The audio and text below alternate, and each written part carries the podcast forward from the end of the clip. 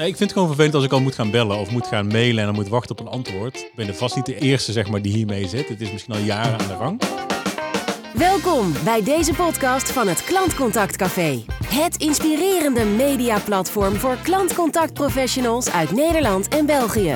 Roelof Hemmen interviewt hier de hoofdrolspelers uit de klantcontactsector.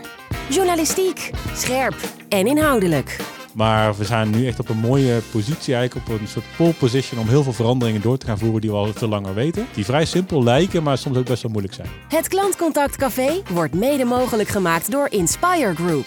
Het uitzendbureau voor de klantcontactsector. Fijn dat je luistert. Michiel Vermeer is bij me. Hij is Head of Customer Operations bij Molly. Hi Michiel, Ja, leuk je te ontmoeten. dankjewel. Ja, leuk om jou te ontmoeten. Wat doet een Head of Customer Operations bij Molly?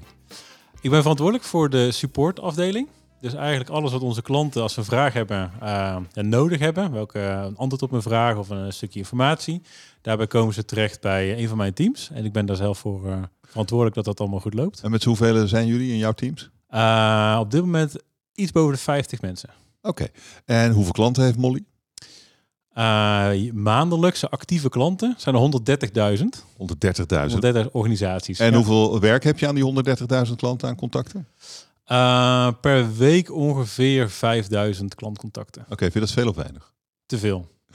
Te okay. Hier komen, we, hier komen we over te spreken strakjes. Ja. Uh, laten we eerst naar Molly kijken. Molly is een bijzonder bedrijf. Het is het geesteskind van Adriaan Mol, die daar ongelooflijk veel geld mee heeft verdiend. Het is eigenlijk het verhaal van een zolderkamertjes uh, uh, miljardair. Hè? Van een simpele sms-provider naar een fintech unicorn. Dat is een waanzinnig verhaal in een jaar of 10, 15 tijd. Geef mij de korte versie. Hoe is dat gelukt? Ik denk dat de sleutel, uh, ik zal zo wel meer over de tijdslijn vertellen, maar de sleutel is dat uh, enorme klantobsessie. Dus vanuit het verkopen van, van sms'jes um, kwam die er eigenlijk achter dat het niet heel makkelijk is als je bedrijfje bent die wil iets online verkopen. Toen kwam natuurlijk Ideal en heeft ook e-commerce echt een sprong genomen, dus het online verkoop. Uh, maar wat Adriaan altijd en wat nog steeds de, echt een groot stuk van ons DNA is echt klantfocust. Dus wat, wat verwacht die klant in het product? En daarom zei ik net ook veel te veel klantcontact. Mm -hmm. Die klant hoeft ons eigenlijk niet, uh, heeft ons eigenlijk niet nodig, ons supportteam. En toch op dit moment nog wel. Uh, en dat is wat we proberen in, dat, in ons hele DNA eigenlijk en ons, alle acties die wij daarin doen, om dat klantcontact te voorkomen. Nou, wat is eigenlijk gebeurd? Dus Adriaan is dat heeft een sms uh, ooit vanuit de zolderkamer sms'jes uh, probeert te verkopen. Dat is wat gaan groeien. Dat is uiteindelijk ook gesplitst in Molly en een MessageBird. MessageBird kennen ik ook allemaal wel. Tenminste, mensen die ook vooral in de industrie werken dat wel goed. Dus, ja, die verkopen eigenlijk allerlei omnichannel diensten. En Molly is daarin gesplitst en is gaan focussen op betalingen. En het, eigenlijk het aanbieden van betalingen. Eigenlijk een kassa voor mensen die iets online willen verkopen. Uh, we kennen allemaal Ideal als je iets wil betalen online, maar je hebt natuurlijk heel veel andere betaalmethodes die allemaal wel een mm -hmm. rol spelen in dat ecosysteem, Mhm. die wij aanbieden. En dat is eigenlijk vanaf uh, 2010, 2012 gaan lopen. Uh, nog zonder licentie toen, uiteindelijk met, met de DNB die erbij, de Nederlandse bank die erbij betrokken is geraakt, uh, die dat is gaan, um, ja, verder gaan ontwikkelen. En hoe ziet dat dan uit? Waar, eh, Oké, okay, betalingen, natuurlijk ja. betalingen. Maar waar zit Molly dan precies in die keten? Ja, dus je hebt, je hebt een bedrijfje met een ZZP'er of je hebt een heel grote, grote webwinkel. Dan heb je natuurlijk een bankrekening. Uh, en je wil natuurlijk dat het geld van een, iemand die iets koopt op jouw bankrekening komt. Maar om een betaalmethode als, Ideal of als een creditcard of als Klarna of een andere betaalmethode in je webwinkel te krijgen, moet je best wel wat uh, engineers hebben, dus uh, software developers die dat inbouwen. Wat Molly doet is eigenlijk dat aanbieden uh, met ook allerlei integraties, dus allerlei partners van ons, die uh, je hebt misschien een, een boekhoudsoftware bijvoorbeeld en je wil daar via dat geld binnenkrijgen, dan is het heel makkelijk om dat te integreren in Molly, dus in je, sorry, in jou, uh, op je website. Uh, wat Molly dan doet, is eigenlijk gewoon, we zijn de kassa. Dus we halen het geld eigenlijk binnen en geven dat vervolgens aan de bankrekening van de, uh, van de, van de organisatie. Oké, okay, en er zit een klein verschilletje in wat er binnenkomt en wat er naar de bankrekening van, uh, van, van de klant gaat. En Zeker. dat is waar Molly zijn geld aan verdient. Ja, dat is echt een centenkwestie. Dus uh, voor Ideal, dat is niet dat wij voor de 25 cent of 21 cent die soms een Ideal transactie kost, dat wij dat houden. Daar gaat maar een heel klein stukje naar Molly. en de rest gaat naar de betaalmethode eigenlijk. Uh, dus je betaalt Oh. iets van 100 euro, dan gaat er 99, komma zoveel euro, 99,88 cent eh, gaat naar de webwinkel. En een stukje blijft bij Molly, waar we, eh, Dus- dus- wij dan... Dus ja. wat Molly eigenlijk doet, wat Adriaan Mol een jaar of wat geleden heeft eh, bedacht, is die andere, die, die aanbieders van die betaalmethodes, die zijn eigenlijk veel te ingewikkeld, is veel te moeilijk, Ja. veel te veel gedoe. Daar bedenk ik iets voor. En dat heet nu Molly. En daar zijn we nu. Precies. Op de Keizersgracht in Amsterdam. Dus Ja. Ik zit tegenover jou, hoofd van het eh, klantcontact. Ehm, Oké, er is een, eh, dit is een nogal grote business. Er zijn veel concurrenten. Hoe groot is jullie marktaandeel? Eh, in Nederland rond de 50%. Dus dat is gigantisch. Als je op, ik zou iedereen die nu luistert uit willen dagen, kijk eens op je bankrekening. Dan Ja. zie je heel vaak via Molly, via Stichting Aha. Molly. Uh, in België rond de 40%. En nou, de echte groeimarkten zijn natuurlijk Frankrijk en Duitsland. uh, en het Verenigd Koninkrijk waar we ook zitten. Uh, waar we echt nou, stappen op willen gaan maken om daar verder te groeien. Oké, okay, en als dat gelukt is? Ja, het, er is nog genoeg in de Europese Unie waar we ons op focussen. Ja, uh, ja waar, waar is, de, waar is de, het einde? Geen idee. Het, het bedrijf zal doorgroeien. En je ziet bijvoorbeeld wel dat iGen, dat is ook een heel mooi bedrijf, ook een betaalprovider. Uh, heel groot, dat zit echt wereldwijd. Uh, ook veel meer op de grotere klanten gericht, echt op de, de, de enterprise klanten, zoals mm -hmm. we dat noemen. Wij zitten wat meer op de medium en kleinere klant, klantsegment, zeg maar. Oké, okay, oké. Okay. En, en, en um, nou ja, ik noemde al veel concurrentie. Uh, hoe zorg je ervoor dat je voorop blijft? Dat je dat die 50% marktaandeel minimaal behoudt, liever nog uitbreidt? Goeie vraag. Ja, um, we hebben een aantal dingen. Um, dus één is proberen gewoon echt de core van ons product steeds beter te maken. Dus met nieuwe betaalmethodes, met, dus met uitbreiding van wat we een klant kunnen bieden. Met fraude, bescherming, met uh, ja, het dashboard wat gewoon simpeler is. Met uh, verzoeken die ze hebben die, om, het, om het product beter te integreren. Wat, wat, kun je dan, wat kun je er allemaal zelf aan doen dan als klant? Um, als klant niet, maar we hebben nee, zo rijk voor dat je beter beschermd bent. En dat je oh, producten krijgt die, waar je meer aan hebt. Dus we hebben bijvoorbeeld klanten die, nou, ik zei al net al, Ideal, die met Ideal veel betalingen doen. Die eigenlijk geen weten van creditcard of van, van Klarna. Waar consumenten wel op zitten te wachten. En juist die trends in de markt, die bieden wij aan aan een klant. Uh, door ze dat te laten activeren. Ja. En wat is dan het slimmigheidje waar jullie je geld mee verdienen? Wat kan je dat in drie woorden zeggen? Wat is het slimmigheidje dat, dat jullie bedacht hebben? Ik denk market fit. Dus echt een product wat heel erg past bij een klantgroep. Uh, die ze vaak dingen gewoon zelf uit moet zoeken. En uh, aansluitend wat ik net als antwoord gaf over meerdere betaalmethodes, hebben we ook andere producten die we aanbieden nu. Bijvoorbeeld Capital, dat is een, uh, uh, eigenlijk een financiering voor een, voor een bedrijf, wat soms heel moeilijk is te krijgen bij een bank. Uh, die, die, die bieden we aan bij onze klanten. Dus wij proberen. Dat is een, een heel nieuw product. Dat is een heel nieuw product. Ja, sinds vorig jaar op de markt. Dat gaat heel erg goed. De klanten zijn heel enthousiast over. En dat bieden wij op een hele eenvoudige manier aan. En die betaal je ook weer per transactie terug. Dus uh, die financiering die je dan afsluit, die kun je gebruiken als je bijvoorbeeld heel veel verkocht hebt in de zomer. Je hebt een paar uh, hele rustige maanden. Maar je moet juist wel op dat moment weer inkopen voor december, voor de decembermaand. Dan kun je dat als een soort uh, ja, krediet gebruiken om dat ja, je, je, je voorraad aan te vullen. Zeg maar. Oké, okay, dat, is een, een, dat is een slim idee, want de banken zijn niet zo scheutig met kredieten. En dat was natuurlijk het gat waar jullie zijn ingesprongen. Ja, en dat is hetzelfde met betaal, andere betaalsystemen. Wij hebben een heel mooi uh, product voor klanten, wat heel makkelijk te gebruiken is, wat heel makkelijk te activeren is. Tegen een, mooi, tegen een, een, een nou, mooie, goede prijs, zeg maar. Dus dat is eigenlijk iets wat, uh, wat heel erg aanspreekt en waarom we nou, ontzettend hard gegroeid zijn de afgelopen jaren. Ja, ja. Waarom wil jij hier werken eigenlijk? Je werkt hier drie jaar. Je hebt eerst andere dingen gedaan sinds een jaar en, iets, en, en, en, en een paar weken zit je nu op je huidige functie, het klantcontact. Klopt. Waarom wil jij hier werken? Bij Molly. Ja. Omdat het on, onwijs gaaf is. Het, het groeit heel hard. Uh, er gebeurt heel veel in de markt. Het is echt een technisch product natuurlijk, wat, uh, wat klant heel erg aanspreekt. Maar het bedrijf zelf, meer de achterkant, wat een klant niet per se ziet, is dat het bedrijf heel goed voor je zorgt. Met uh, een hele mooie cultuur, waarin we samen echt nou, successen vieren. Wat is er specifiek aan die mooie cultuur die je zo benoemt? Um, dat is echt met elkaar. Je probeert, we proberen echt met elkaar. Dat doet elk bedrijf, met elkaar. Ja en nee. Ik zou je eigenlijk willen uitnodigen om straks boven eens te, verder te kijken. Um, ja, wat, wat, maakt het zo specifiek? Ja, ik, wat, wat, maakt het zo speciaal? Ik denk dat het, dat het heel veel dingen zijn. Het begint gewoon eigenlijk al vanaf het leiderschap, het, de, de, de, hoe er naar de medewerker wordt gekeken, worden echt in staat gesteld om, om ons best een beetje voor te kunnen zetten voor de klant. En dat probeer ik ook in mijn rol in dit geval. Um, als ik kijk naar de klantcontactwereld, en dat is niet om kritiek te hebben, maar ik vind dat het vaak wel een wat, wat ouderwetse manier van leiding geven heeft. Ah. We proberen echt te... Leg dat eens uit. Ja, ik, ik, ik heb met Ilja hiervoor ook even gesproken over bijvoorbeeld um, uh, KPI's bijvoorbeeld. Wat, wat zijn de KPI's? Een heel traditioneel een klantcontactcenter is dat... Hoe lang doet een specialist over een, een ticket, over een vraag? Uh, wat is de nabewerkingstijd?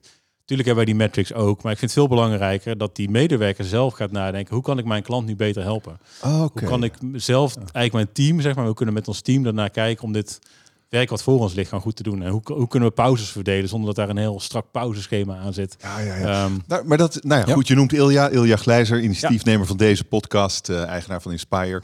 Uh, nou ja, hij verdient zijn geld natuurlijk ook in het klantcontact. Hij levert de mensen die dat doen en hij is, uh, hij is zeer vooruitstrevend op dat vlak. Ja. Um, en ik denk dat hij het wel met jou eens is. Als je zegt, um, er is een soort, soort ouderwets idee van klantcontact. dat is dat, dat dat, wat je, de vraag die je daarbij kunt stellen is: hoe komt dat? Wat is de mindset die ervoor zorgt uh, dat het klantcontact zo'n soort, zo'n, zo'n, soms zo'n stoffige indruk maakt op types zoals jij in die hele nieuwe business? Hoe komt dat? Ik denk dat het een stukje uh, geschiedenis is, omdat klantcontact traditioneel gezien nooit de hoogst betaalde banen zijn. Er is relatief altijd veel verloop als je het vergelijkt met andere teams binnen ieder bedrijf. Um, en dat men altijd probeert het maximale eruit te halen. En omdat het zo meetbaar is, zeg maar, je kunt er zoveel data uithalen wat iemand op een dag doet, dat je ja, een soort van controlegevoel wil gaan hebben. En dan gaat wat kijken, nou, heeft deze persoon wel genoeg gedaan? Hij moet eigenlijk meer doen. En ik denk het onderliggende wantrouwen ook wel van, kan deze medewerker, uh, zet hij wel zijn beste beentje voor? Uh, hij is een keer ziek, wat is er aan de hand? Uh, eigenlijk echt meer vanuit een wantrouwen gedacht. Uh, en, en, ik denk... en, dat, en, dat, wantrouwen, dat komt dan eigenlijk doordat er zoveel manieren zijn om iemand te controleren. Als die manieren er zijn, dan ga je het doen. En dan krijg je dus uh, management door wantrouwen. Ja, echt een controle eigenlijk willen en, hebben. Ja. En, uh, en waar, waar leidt dat dan precies toe? Nou, dat ja. mensen vertrekken, dat ze dan dat ze jaar, gewoon weggaan. een jaar of twee jaar daar werken en dan denken, nou het is genoeg mee. Het is wel zoveel druk zeg maar de hele tijd op. En dat ze dan de sector ook verlaten. Sector verlaten of naar ja. een andere ser serviceafdeling gaan. Of, of, of misschien doorgroeien. Dat zou natuurlijk het mooiste zijn. Ja. Terwijl ik dat eigenlijk gek vind. Want uh, zo sporadisch heb ik cont contact met klantcontactafdelingen, contactcenters. Uh, soms ben ik enorm teleurgesteld. Uh, meestal ben ik enorm teleurgesteld, eerlijk gezegd. maar soms ook niet. En dat zijn van die gedenkwaardige momenten. Dat je zo'n merk nooit meer vergeet. En ik zou denken, in mijn simpelheid... Dat is toch wat je wil bereiken. Ja. Nou ja, ze hebben het er ook vaak over in de sector. Uh, en nou zeg jij, ja, nou, eigenlijk is dat toch niet het geval. Nee, het is zo zonde, want er wordt heel erg gekeken, het is een kostenafdeling. Je hebt altijd een bepaalde fixed kost, zeg maar. Een bepaalde ja, salarissen die je moet betalen. En dan wil je het maximale eigenlijk uithalen. En dat, dat begrijp ik, zeg maar. Het is zo jammer, want we zien, ik zie nu met mijn teams in dit geval, dat er zoveel ideeën zijn dat ze eigenlijk dezelfde gedachten hebben die ik zou hebben. Alleen dan vaak veel beter, want zij maken, hè, ze hebben het klantcontact, ze weten wat er fout gaat, ze weten waar ons product gewoon niet goed is. En op het moment dat zij dus met hun ideeën dat kunnen delen met, uh, met onze engineers, van hey, maak dit is beter, of dit proces is niet lekker, of daar gaat het niet goed. En ik denk dat dat een beetje ook eigenlijk tweeledig is, wat ik dan, mijn ervaring is bij, ook bij andere bedrijven, dat het een soort van ja, controle management is. En tegelijkertijd ook ja, maar geaccepteerd wordt dat er een klantenafdeling is. En ik, ik ja, ik, ik, weiger daarbij neer te leggen dat we 5000 klantcontacten hebben. Dat, dat kan veel beter en moet veel beter. Oké, okay, maar, maar jij vindt dus eigenlijk de klantcontactsector in zijn algemeenheid niet zo goed? Nou, dat, dat, dat zal. Ja, zo, dat is een hele. Ik leg, het je, ik leg het je misschien een beetje in de mond. Maar dat is een beetje. Nou ja, waar we het net over hadden. Weet je, ik, toch tikkeltje ouderwets dat wantrouwen. Mensen worden daar niet blij van. Ik, en ja. zijn dan mi misschien minder goed in hun werk. Ik kijk niet iedere keuken natuurlijk, maar ja. ook als ik zelf als klant was aan een klantenservice bel, dan denk ik, oh, gemiste kans. Dan hoor je van, ja, ik ben niet van die afdeling, ik, uh, zet, u, uh, ik zet uw verzoek door en dan hoor je vervolgens niks. Dat gebeurt bij Molly ongetwijfeld ook wel eens, hè, dat, dat een klant daarmee belt en dat het gebeurt. Um, maar juist de, de feedback loop, want het is eigenlijk feedback die we krijgen van een klant. Die klant snapt ah. iets niet, die stelt die vraag. Uh, dan snap ik niet dat je honderden, duizenden klantenservice medewerkers hebt. Dan moet je gaan kijken, waarom heeft die klant die vraag en hoe kan ik, als ik want bijna ieder bedrijf heeft ook software, heeft een website, heeft. Hoe kan ik die klant eigenlijk voorzien in de informatie die nodig heeft? Uh, om, dat, om dat antwoord eigenlijk te voorkomen. Of dat die vraag eigenlijk te voorkomen, dat antwoord niet gegeven hoeft te worden. Dus, um, maar hoe werk je dan? Hoe werken jouw mensen dan? Hebben die ook van die protocollen die ze afwerken? Dat je, um, hè, dat je ook hoort, dat ze ook hoort uh, in het contact, hoor je gewoon, ik moet nu deze vraag stellen, ik moet nu dat zeggen, ik moet zeggen dat ik u begrijp en dat ik het vervelend vind en dat ik me best. Dat soort, doe, doe jij dat ook? Nee, nee. Want Oh, niet? ik denk als ze dat zouden willen vastleggen, en we hebben al een poging gedaan natuurlijk om een bepaalde standaarden neer te zetten. Want er groeide een tijdje zo hard dat alle kennis in, in hoofden zat. En dan groeide iemand door en dan was je die kennis kwijt. Uh, maar ik denk dat het belangrijkste is dat die, um, want we hebben 300 integraties, bijna 30 betaalmethodes. Dat klinkt allemaal niet zo heel veel, maar dat zit allemaal hele specifieke vragen zitten daaromheen. Van waarom werkt een bepaalde betaalmethode niet in een bepaald uh, shopsysteem? Dus ik werk via met een website via Shopify. Misschien kent iemand dat die, dat, die luistert. Uh, en op een of andere manier zie ik mijn creditcard button niet. Hoe kan dit? Heel specifiek. Daar kun je ja. een script proberen te schrijven, maar dat gaat niet werken. Uh, dus ik wil dat die medewerker nadenkt en met die klant mee gaat denken van oké, okay, wat is hier nou aan de hand? Ik ga zelf al wat onderzoek doen. Misschien is het te complex. Dan, dan geef ik het wel door aan de technische ondersteuner die echt in de, in de code kan kijken, zeg maar, van waar gaat het fout. Dus dat is ook een van de teams die ik, die ik mag aan, aansturen. Um, maar echt dat die medewerker gaat denken, oké, okay, maar waar zit die klant mee? Wat is het probleem? Wat is de oorzaak van het probleem? En hoe kunnen we dat oplossen? En als je dat de hele tijd doet, dan wordt als het goed is je product iets beter. En dan groeien we en dan houden we misschien wel 5000 klantcontacten. Maar we hoeven niet steeds meer mensen ja, aan het team toe te voegen. Het is wel iets waar je als klant blij van wordt natuurlijk. Als je uh, probleem wordt opgelost. Ja. In, um, in plaats van dat het bedrijf zegt, nou, uw probleem past niet in ons systeem. Want dat is misschien wel vaak wat je te horen krijgt, denk ik. Um, bij Molly bedoel je? Of? Nee, in het algemeen. Wat denk jij? Uh, ja, dat, dat kan. Soms word je ook heel goed geholpen. Alleen, zeker, zeker, alleen, zeker. Ja, ja. Ik, ik, ik maar het zijn die slechte ervaringen die je bij, je, bij je houdt, hè? Ja, nee, ik vind het gewoon vervelend als ik al moet gaan bellen of moet gaan mailen en dan moet wachten op een antwoord. Terwijl ik, dat ik dan denk, ja, had dit, ben er vast niet de e- eerste zeg maar, die hiermee zit. Het is misschien al jaren aan de gang. En zo'n bedrijf, dat, dat gaat dan door, of zo'n organisatie. En dat, dat wordt eigenlijk nooit ter discussie gesteld. En ik denk dat je juist daarop, meer op het voorkomen van klantvragen, uh, daar, daar heel veel op, op in kan zetten. Oké, okay, wat voor mensen heb je daarvoor nodig? Wat zijn dat voor, voor, voor mensen, die mensen. 50, 50 mensen van jou? Uh, assertief. Uh, we zijn vrij plat, zeg maar, in de zin van niet hiërarchisch. Dus uh, ik kan zo naar de CEO lopen, wijze van. Niet dat ik dat iedere dag doe. Maar en volgens van... mij heb je net het managementteam uit de ruimte gejaagd ja. waar wij nu zitten, omdat het elders te, te lawaaiig was. Precies, ja. dus dat zegt wel iets over hoe jullie organisatie Precies, precies. En, ik, en dat is gewoon onwijs belangrijk. Dat, dat, we hadden het daar straks ook een beetje over cultuur. Dat, dat straalt iedereen binnen Molly uit. Dat je je, ja, je mond mag opentrekken als het goed is voor het bedrijf, als het beter is voor jouw team of, of voor je eigen mentale uh, gesteldheid, zeg maar, om je uit te kunnen spreken en je frustratie te kunnen delen. En dat kan op heel veel manieren. Het kan ook gewoon heel direct. En, uh, en zijn zij, um, um, zijn zij, zij moeten natuurlijk precies snappen hoe het technisch in elkaar zit. Ja. Want ze moeten het meteen begrijpen. En ze moeten dan ook de, uh, de kennis hebben om te snappen dat het opgelost kan worden. Dat het structureel opgelost kan worden. Zijn die makkelijk te vinden, dat soort mensen?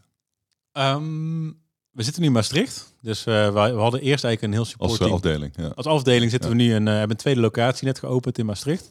In Amsterdam was het steeds moeilijker, zeker voor de talen. Dus voor Frans en Duits was het echt wel lastiger om daar... En daar groei, willen we graag veel groeien. Dus om daar steeds nieuwe mensen te vinden is gewoon lastiger. Um, en in Maastricht daar hebben we een hele goede samenwerking met de gemeente, met de universiteiten. En uh, daar is het echt een, een, eerste mooie startersrol. Je leert het product heel goed kennen. En daar zie je ook dat mensen stappen gaan maken binnen Molly, maar wel binnen Maastricht blijven. Wat voor rol speelt de gemeente in dit proces dan? Uh, nou, die hebben ons met open arm ontvangen. Dat, oh, heel oh, oh, op die manier. Ja, ja, dus ja, die hebben, geven ons allerlei connecties. We hebben mensen die wonen in Duitsland, wonen in uh, Franstalig België, in Wallonië. Dus met, met Expert Center waar we mee samenwerken, oh, die informatie geven over ja, wat zijn de, de, de belastingregels in de regio. Uh, alle wijzigingen die daar plaatsvinden. Dus daar, daarin speelt een partnership met de gemeente echt een, uh, een grote rol. Dus als je mensen nodig hebt, dan komen ze. Dan vind je ze. Ja. Dat is behoorlijk uniek. Ja, maar dat, daar staan ook wel een. Uh, nou, ik zei het over cultuur, maar ook heel plat gezegd ook gewoon benefits. Dus we krijgen. Ze betaal je beter? Uh, we betalen denk ik iets boven het, wat, er, uh, wat er gemiddeld betaald wordt. Hoeveel procent ongeveer, denk je? Uh, ja, dat verschilt heel erg. Want je hebt, wij, wij zijn business to business. Hè? Dus wij, mm -hmm, wij hebben, je spreekt soms met een CFO van een bedrijf, je spreekt soms met uh, de oprichter van een bedrijf of met iemand, een medewerker. En uh, vergelijkbare bedrijven in, in supportland, in de regio Maastricht, zijn ook wel soms wat meer consumer focus. Dus meer op, op consumenten, DHL, die H&M, dat zijn meer, nou, een consument heeft een probleem met een pakketje. Minder complexiteit, denk ik. Um, dus daar, daar onderscheiden we ons al wat meer in. En, en de medewerker krijgt heel veel benefits, zoals het noemen, heel veel uh, ja, uh, leuke tweede, tweede, hoe zeg je dat, uh, secundaire arbeidsvoorwaarden. Zoals? Je krijgt uh, 80 euro per maand om je naar de kapper te gaan of een vakantie van te betalen. Je kunt het opsparen. je krijgt hele lekkere lunches. Um, uh, je zorgverzekering wordt voor een gedeelte betaald. Je krijgt een fiets. Je krijgt allerlei dingen van dit soort dingen. Okay. Wat ook echt bijdraagt aan een stukje ja, erkenning en, en een stukje ja, uh, tevredenheid uiteindelijk. Ja. Oké. Okay. Um, die 5000 mensen die dan uh, elke maand bellen van de 130.000, dat vind je te veel. Ja. Is het, als je het vergelijkt met, met de sector, is het dan ook te veel? Um, dat denk ik niet als ik ons echt vergelijk met andere techbedrijven. Ja. Ik denk dat het wel redelijk in lijn is daarmee. Hmm. Uh, we zijn ook fors gegroeid. Het team is gekrompen eigenlijk als je naar aantal FTE kijkt. We komen van veel meer af eigenlijk, van in de, rond de 70, omdat we echt het product verbeterd hebben. Uh, en we focussen ook qua groei ook iets meer op de wat grotere klanten. Dus iets minder klanten, iets grotere klanten. En, en COVID was natuurlijk gewoon echt een uitzondering. Met, met COVID ging heel veel, uh, alle restaurants, alles ging online. Waardoor we heel veel klanten hadden met heel veel vragen. Het ging allemaal door het onboarding, het, het aanmeldproces heen. Dus um, dat was echt een uitzondering waar we gewoon meer mensen nodig hadden. En, mm. Maar 5000, je vindt het te veel. Nou, dat snap ik wel. Ja. Uh, wat is dan je doel? Hoeveel, hoeveel mag het zijn? Wanneer ben jij gelukkig? Dit jaar 20% minder. Dat is sowieso een hard doel, wat we gewoon als bedrijf ook hebben, om dat uh, te reduceren. En ik denk dat we daar uh, in een goede positie voor staan om nu echt door te pakken met een aantal grotere problemen waar klanten met langere tijd mee zitten. Kun je een voorbeeld geven? Nou ja, tijdens onboarding, uh, tijdens eigenlijk het aanmeldproces moeten wij ook vanuit de wet uh, financieel toezicht eigenlijk, moet je een aantal checks doen. En moeten wij dus bijvoorbeeld een ID-kaart opvragen of een pas, kopie van paspoort, uh, je bankrekening verifiëren. Uh, dus zo, er zijn een aantal stappen die je moet nemen eigenlijk als, mee, als, als klant. En die moeten wij dan verifiëren. Daar zit heel veel automatisering in. Dus daar, daar pakken we echt op door. Maar een heel simpel voorbeeld. Als je je vinger op je paspoort hebt, je maakt er een foto mee met je... Dan krijg je een afmelding of een foutmelding eigenlijk. Oh ja. Maar je weet eigenlijk niet zo goed waar dat dan voor is. Dan denk ik, ja, geef dan die, die klant gelijk de feedback van... Ja, er zit een vinger overheen. Dat ziet, het, ziet de camera ook, zeg maar, of de foto. Ja. Uh, dat is een heel kleintje. Die, denk, die kunnen wij vrij makkelijk doorpakken. En zo zijn er wel tientallen van dit soort dingen. Die tijdens het uh, aanmeldproces gewoon beter kunnen. Dus ja, het gewoon simpeler maken eigenlijk. Ja, maar dan moet je dan wel, uh, je moet het wel even zien en je moet het willen veranderen. Dat, dat is die mindset waar we het eerder over hadden. Ja. En wat is het belangrijkste uh, kanaal waar langs die contacten plaatsvinden? Be bellen, is het chatten, is het mailen, wat is het? Ja, je ziet, je ziet ook wel, um, we hebben dus eigenlijk drie kanalen, drie hoofdkanalen en natuurlijk social media kanalen die we ook bedienen. De, de grootste is eigenlijk chat, dus live chat. Daar zijn klanten over het algemeen ook heel blij mee. Dat is vrij snel, uh, zes, zeven minuten gemiddeld per, per contact. Daarna volgt telefoon, dat is toch wel wat, kost wat meer tijd. En dan e-mail, dat is echt de kleinste op dit moment. Het ligt ook een beetje aan de fase. Als het heel druk wordt, dan zie je dat e-mails weer populairder worden. Dat ze moeilijk tussen, er tussendoor komen. Aha. Als er een incident is bijvoorbeeld en veel klanten bellen of die staan in de chat, dat mensen afhaken en toch een mailtje sturen. Maar dat zijn eigenlijk de drie, uh, drie hoofdkanalen. En, en je wilt misschien het liefst alles kanaliseren door chat. Of zoveel mogelijk. Het meest efficiënt. Ja. Ik zou eigenlijk willen kijken wat vindt de klant het fijnst. Je ziet wel dat uh, over het algemeen wat jongere mensen, dus wat jongere uh, stakeholders, mensen van het account, die chatten liever dan dat ze bellen. Uh, ik weet niet, het is misschien een generationeel ding, maar je ja, jonge, mensen, jonge mensen bellen niet, hè? Uh, nee, precies. Sowieso chatten niet, liever. Ja. Of e-mailen en chat is dan mm. toch wat directer, want je kunt wat, uh, wat, wat wederhoor toepassen. Van, Oké, okay, wat, wat, waar, waar gaat die vraag spe specifiek over? Wat is het topic? Um, nou, dit. En dan, dan kun je wat, wat vragen en antwoord geven, zeg maar. E-mail is vrij statisch en dan, daar zie je ook gewoon dat wij vaker een vraag terug moeten stellen. Dus, mm. Oké, okay. um, dus dat is een ding. En um, Um, de, de afhandeltijd, wat zei je, zeven minuten? Ja, gemiddeld weg. Voor chat, ja. Um, het is natuurlijk ook fijn als je dat naar beneden krijgt. Nee, uh, uh, ja, ja, nee. Oh. ik heb liever het aantal contacten naar beneden. En zeker de, de ah, simpele okay. contacten. Die, die kosten misschien veel minder tijd, maar zijn voor medewerkers ook echt niet uitdagend. Van hè, hoe lang duurt het voordat mijn account is uh, beoordeeld eigenlijk? Ja, dan moet je gaan kijken. Oh, dat is twee dagen. Dan geef je twee dagen door. Nou, dan is de klant tevreden. Dat is, dat is natuurlijk gewoon echt cool dat we daar antwoord op moeten geven. Je gaat eigenlijk denk ik als medewerker veel liever twee richtingen op. Of echt wat meer doorvragen over waar zit die klant mee. Uh, minder technisch, misschien meer wettelijk. Bijvoorbeeld, je bent in de onboarding bezig. Uh, en er is een vraag over uh, wie zijn mijn stakeholders van mijn bedrijf, wie zijn de, de wettelijk rechtsgeldige vertegenwoordigers. En hoe zit dat dan precies om daar een klant wat meer bij te helpen? Uh, en tegelijkertijd de andere kant is meer de technische kant. Dus echt technische uh, problemen, waarom iets met een bepaalde uh, ja, setting niet werkt of een bepaalde versie van iets niet werkt. Dat is denk ik de diepte die leuker is om te doen dan eh, ja, die simpele vragen. En die, eh, die 5000 mensen die er nu nog per maand eh, contact zoeken, zie je een rode draad in waar, waarover ze contact zoeken? Wat Zeker, ja. Nee, we hebben daar eh, contactredenen voor, contact Ja, ja. En wat, wat zijn die? Wat zijn de belangrijkste? Eh, nou, vooral ehm, de- het onboardingproces en dan kun je het helemaal uitsplitsen naar wat de redenen ervoor zijn. Eh, de verwachtingen van de klant die soms niet duidelijk zijn, die we beter ook in het dashboard kunnen laten terugkomen. Hoe lang duurt het voordat ik word bekeken en welke informatie moet ik aanleveren? Je hebt natuurlijk allerlei verschillende entiteitssoorten, zeg maar. Dus je hebt eenmanszaken, je hebt BV's, je hebt... en dat heeft ook weer andere vereisten. Dus dat is fijn als je weet wat, wat je moet aanleveren. Eh, het kan ook zijn dat je geen website hebt. Veel klanten hebben een website. Eh, het kan zijn dat je geen website hebt, maar je hebt bijvoorbeeld eh, een, je verleent een dienst en je hebt daarvoor facturen. Dan vraag je facturen op, zodat je eigenlijk van tevoren weet wat je aan moet leveren. En dat het niet heel een soort van pingpong is met een medewerker van ons controleteam, zeg maar, van ons CDD-team.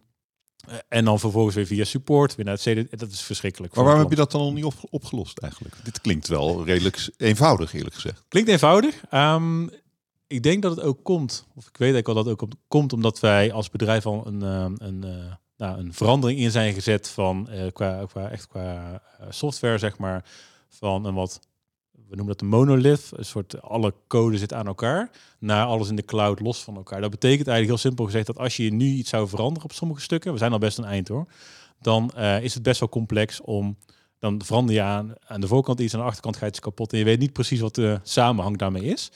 Dus hoe snel kun je iets veranderen, zeg maar. En sommige dingen zijn heel makkelijk om te veranderen. Die hebben we ook veranderd. Dat zie je ook. Hè. We zijn eigenlijk qua team niet eens echt gegroeid. Zelfs iets teruggelopen, een aantal mensen. Ehm, maar we zijn nu echt op een mooie positie, eigenlijk op een soort pole position om heel veel veranderingen door te gaan voeren die we al veel langer weten. Die vrij simpel lijken, maar soms ook best wel moeilijk zijn. Dus, het is natuurlijk, jouw werk is eigenlijk het perfectioneren van alle processen. Ja. Dat is het eigenlijk. Tot Ja. er nul klantcontacten meer zijn. Alleen mensen die complimenten komen melden. Dat zou het mooiste zijn. Zoiets.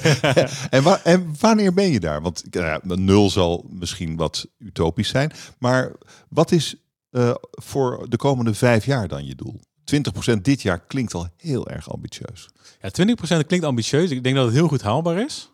Uh, voor de komende jaren uh, komen er gewoon nieuwe producten. We hebben een wat, wat we noemen point of sale. Dat is een echt een fysiek betaalautomaat in de, in de winkel. Die ken je misschien wel van. Die, ja. Je hebt al heel veel aanbieders van kleinere, wittere, wat, wat minder ja. logger, grote units, zeg maar. Nou, die bieden wij, binnen, bieden wij ook al aan. We hebben een aantal klanten al die dat doen.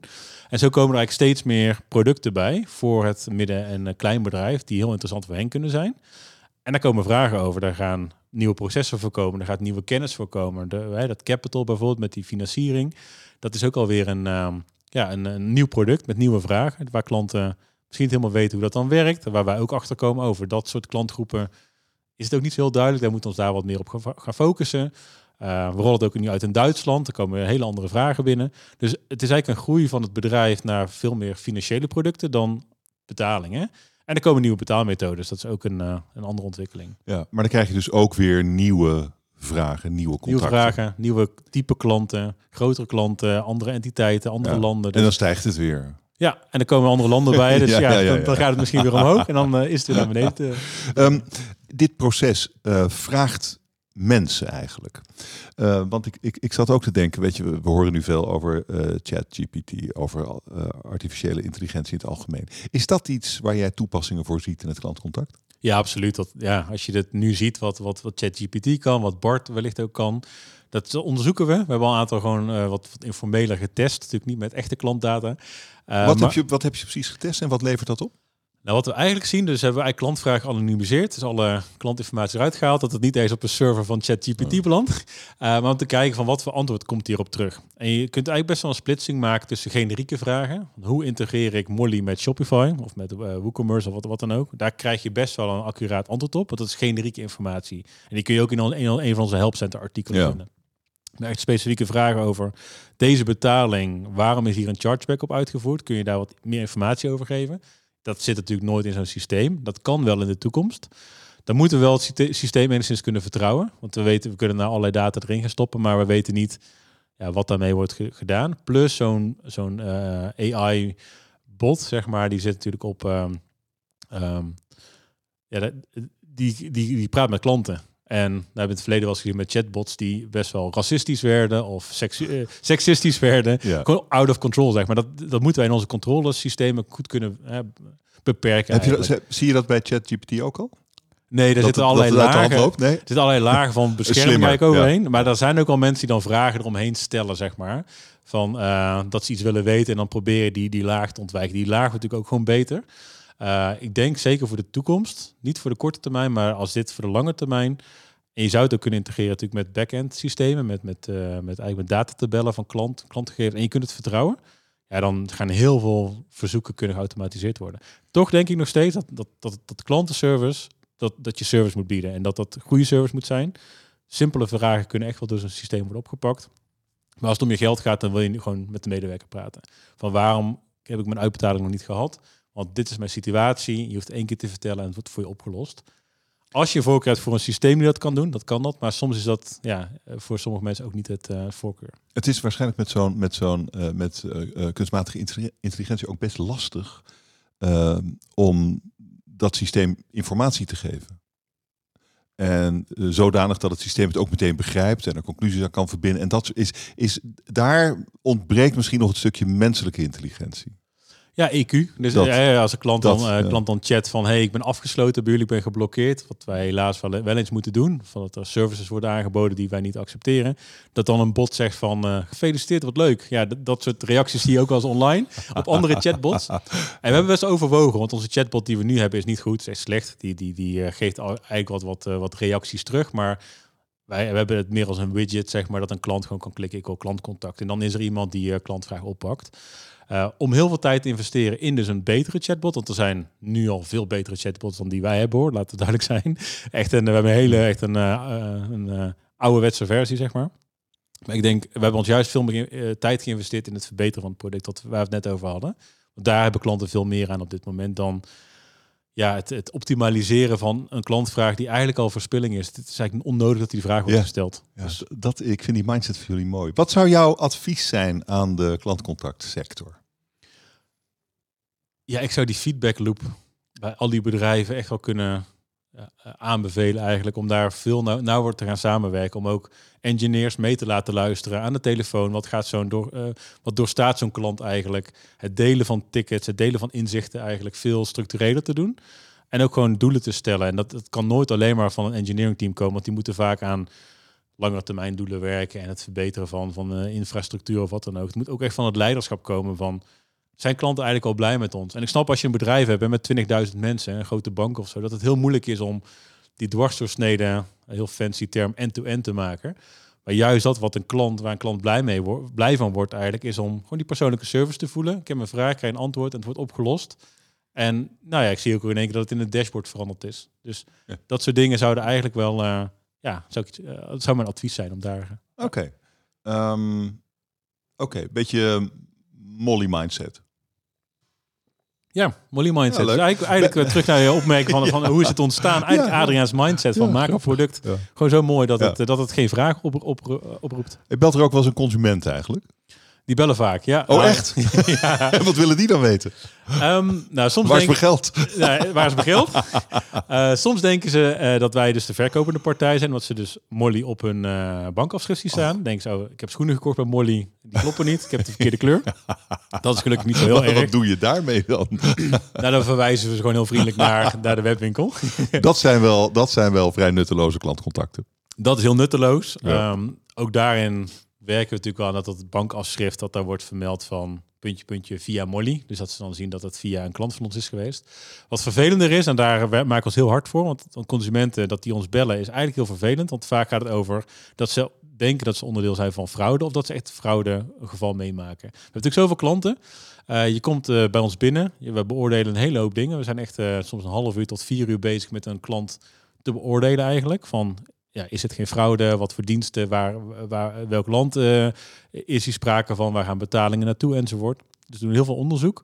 En dan kan het nog dat iemand gewoon binnenkomt en vervolgens ja, een heel ja, bijvoorbeeld glazen als product heeft, mooie, mooie uh, aardewerk of glazen of wat dan ook. En vervolgens veranderen ze een website, zonder natuurlijk dat wij heel tijd die website in de gaten houden, ah. naar nou ja, koffiemachines of PlayStation 5's of wat dan ook voor lage prijs. Die consumenten dan heel veel gaan kopen. En dan probeer je natuurlijk met het geld wat Ze proberen zo snel mogelijk uit Molly te halen. Want we hebben uh, dagelijks of zo vaak je eigenlijk wilt, uh, minimaal uh, de kortste, kortste termijn is dus per dag. kun je geld naar je eigen bankrekening over laten maken. En daarvoor bellen ze dan van ja, ik heb iets besteld en ik krijg het niet. Wat is hier aan de hand?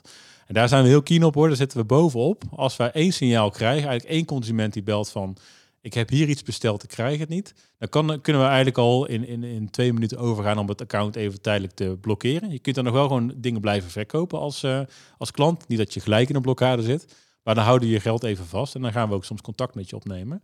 Van goh, wat is er aan de hand? We hebben er nou eentje binnengekregen. Mm. En soms gaat het echt van eentje komt binnen op zondagavond en dan poep, poep, poep, poep. Dan komen er op maandag komen dan een keer 25, 50 of wat dan ook. Wow. En dat is, dat is gewoon, daar, daar hebben we een hele belangrijke rol voor consumenten. Gaat het altijd goed? Nee, absoluut niet. Het gaat wel eens fout. We uh, schrijven ook wel eens geld af omdat klanten met het geld vertrokken zijn. En daarin werken we nou samen ook met, uh, met de politie. Om die meldingen eigenlijk te maken uh, ja. zodra we dit, dit, dit, opvalt. Maar zou ik dan mijn geld terugkrijgen van jou? Daar werken we samen met banken. Dus het, um, want je hebt namelijk, wij, wij hebben een overeenkomst met een, um, met een bedrijf. Daar zijn we een overeenkomst mee aangegaan. Hmm. Dat wij de betalingen verwerken. Maar stel je voor, zijn tien mensen, die hebben allemaal, zijn hun geld kwijt, allemaal 100 euro, 1000 euro. En uiteindelijk komen er 20 mensen, zeg maar, bij ons met het verzoek um, dat ze hun geld terug willen via Molly. Hoe verdelen we dat? Is dat de eerste die komt? Sorry, we hebben, sorry, we hebben nog 1000 euro, er komen 20 mensen, allemaal 100. Dus we hebben eigenlijk minder geld dan dat, dat, dat er uit is gegeven. Of uh, ja. ja. bij ons is het nog binnen is. Dus uh, hoe bepalen we dat? En dat werken we eigenlijk aan met... Uh, uh, we noemen het wel de issuing bank, dus met de bank waarin zij dus via waar zij iets gekocht hebben, dus met ING of met ABN AMRO, om te gaan bepalen hoe, hoe keren we dat uit. Er moet aangifte gedaan worden. Uh, en we doen ook echt wel een beroep op consumenten. Kijk ook goed waar je iets koopt, want soms is de prijs gewoon te mooi om waar te zijn. Uh, en ook op, het, uh, op de website van het landelijk meldpunt internetoplichting, het LMIO. Daar staat ook een hele beschrijving. Ja, ja, ja, Lees het eens, want echt, soms zien we mensen dat denken, waarom koop je hier iets? Ja, het is een Molly klant. Was een Molly klant een goede tijd dat, dat, we, hè, dat we de checks deden. Uiteindelijk blijkt het een fraudeur te zijn. En we zitten er bovenop, echt, echt op uh, in minuten eigenlijk, als er een klacht over binnenkomt. Maar het gaat niet altijd goed. Het is echt kat-en-muisspel. Ja. Ik vond het een leuk gesprek. Dankjewel, Michiel. Ja, ik vond het ook een leuk gesprek. Dankjewel dat je hier was. Het Klantcontact Café wordt mede mogelijk gemaakt door Inspire Group. Het uitzendbureau voor de klantcontactsector.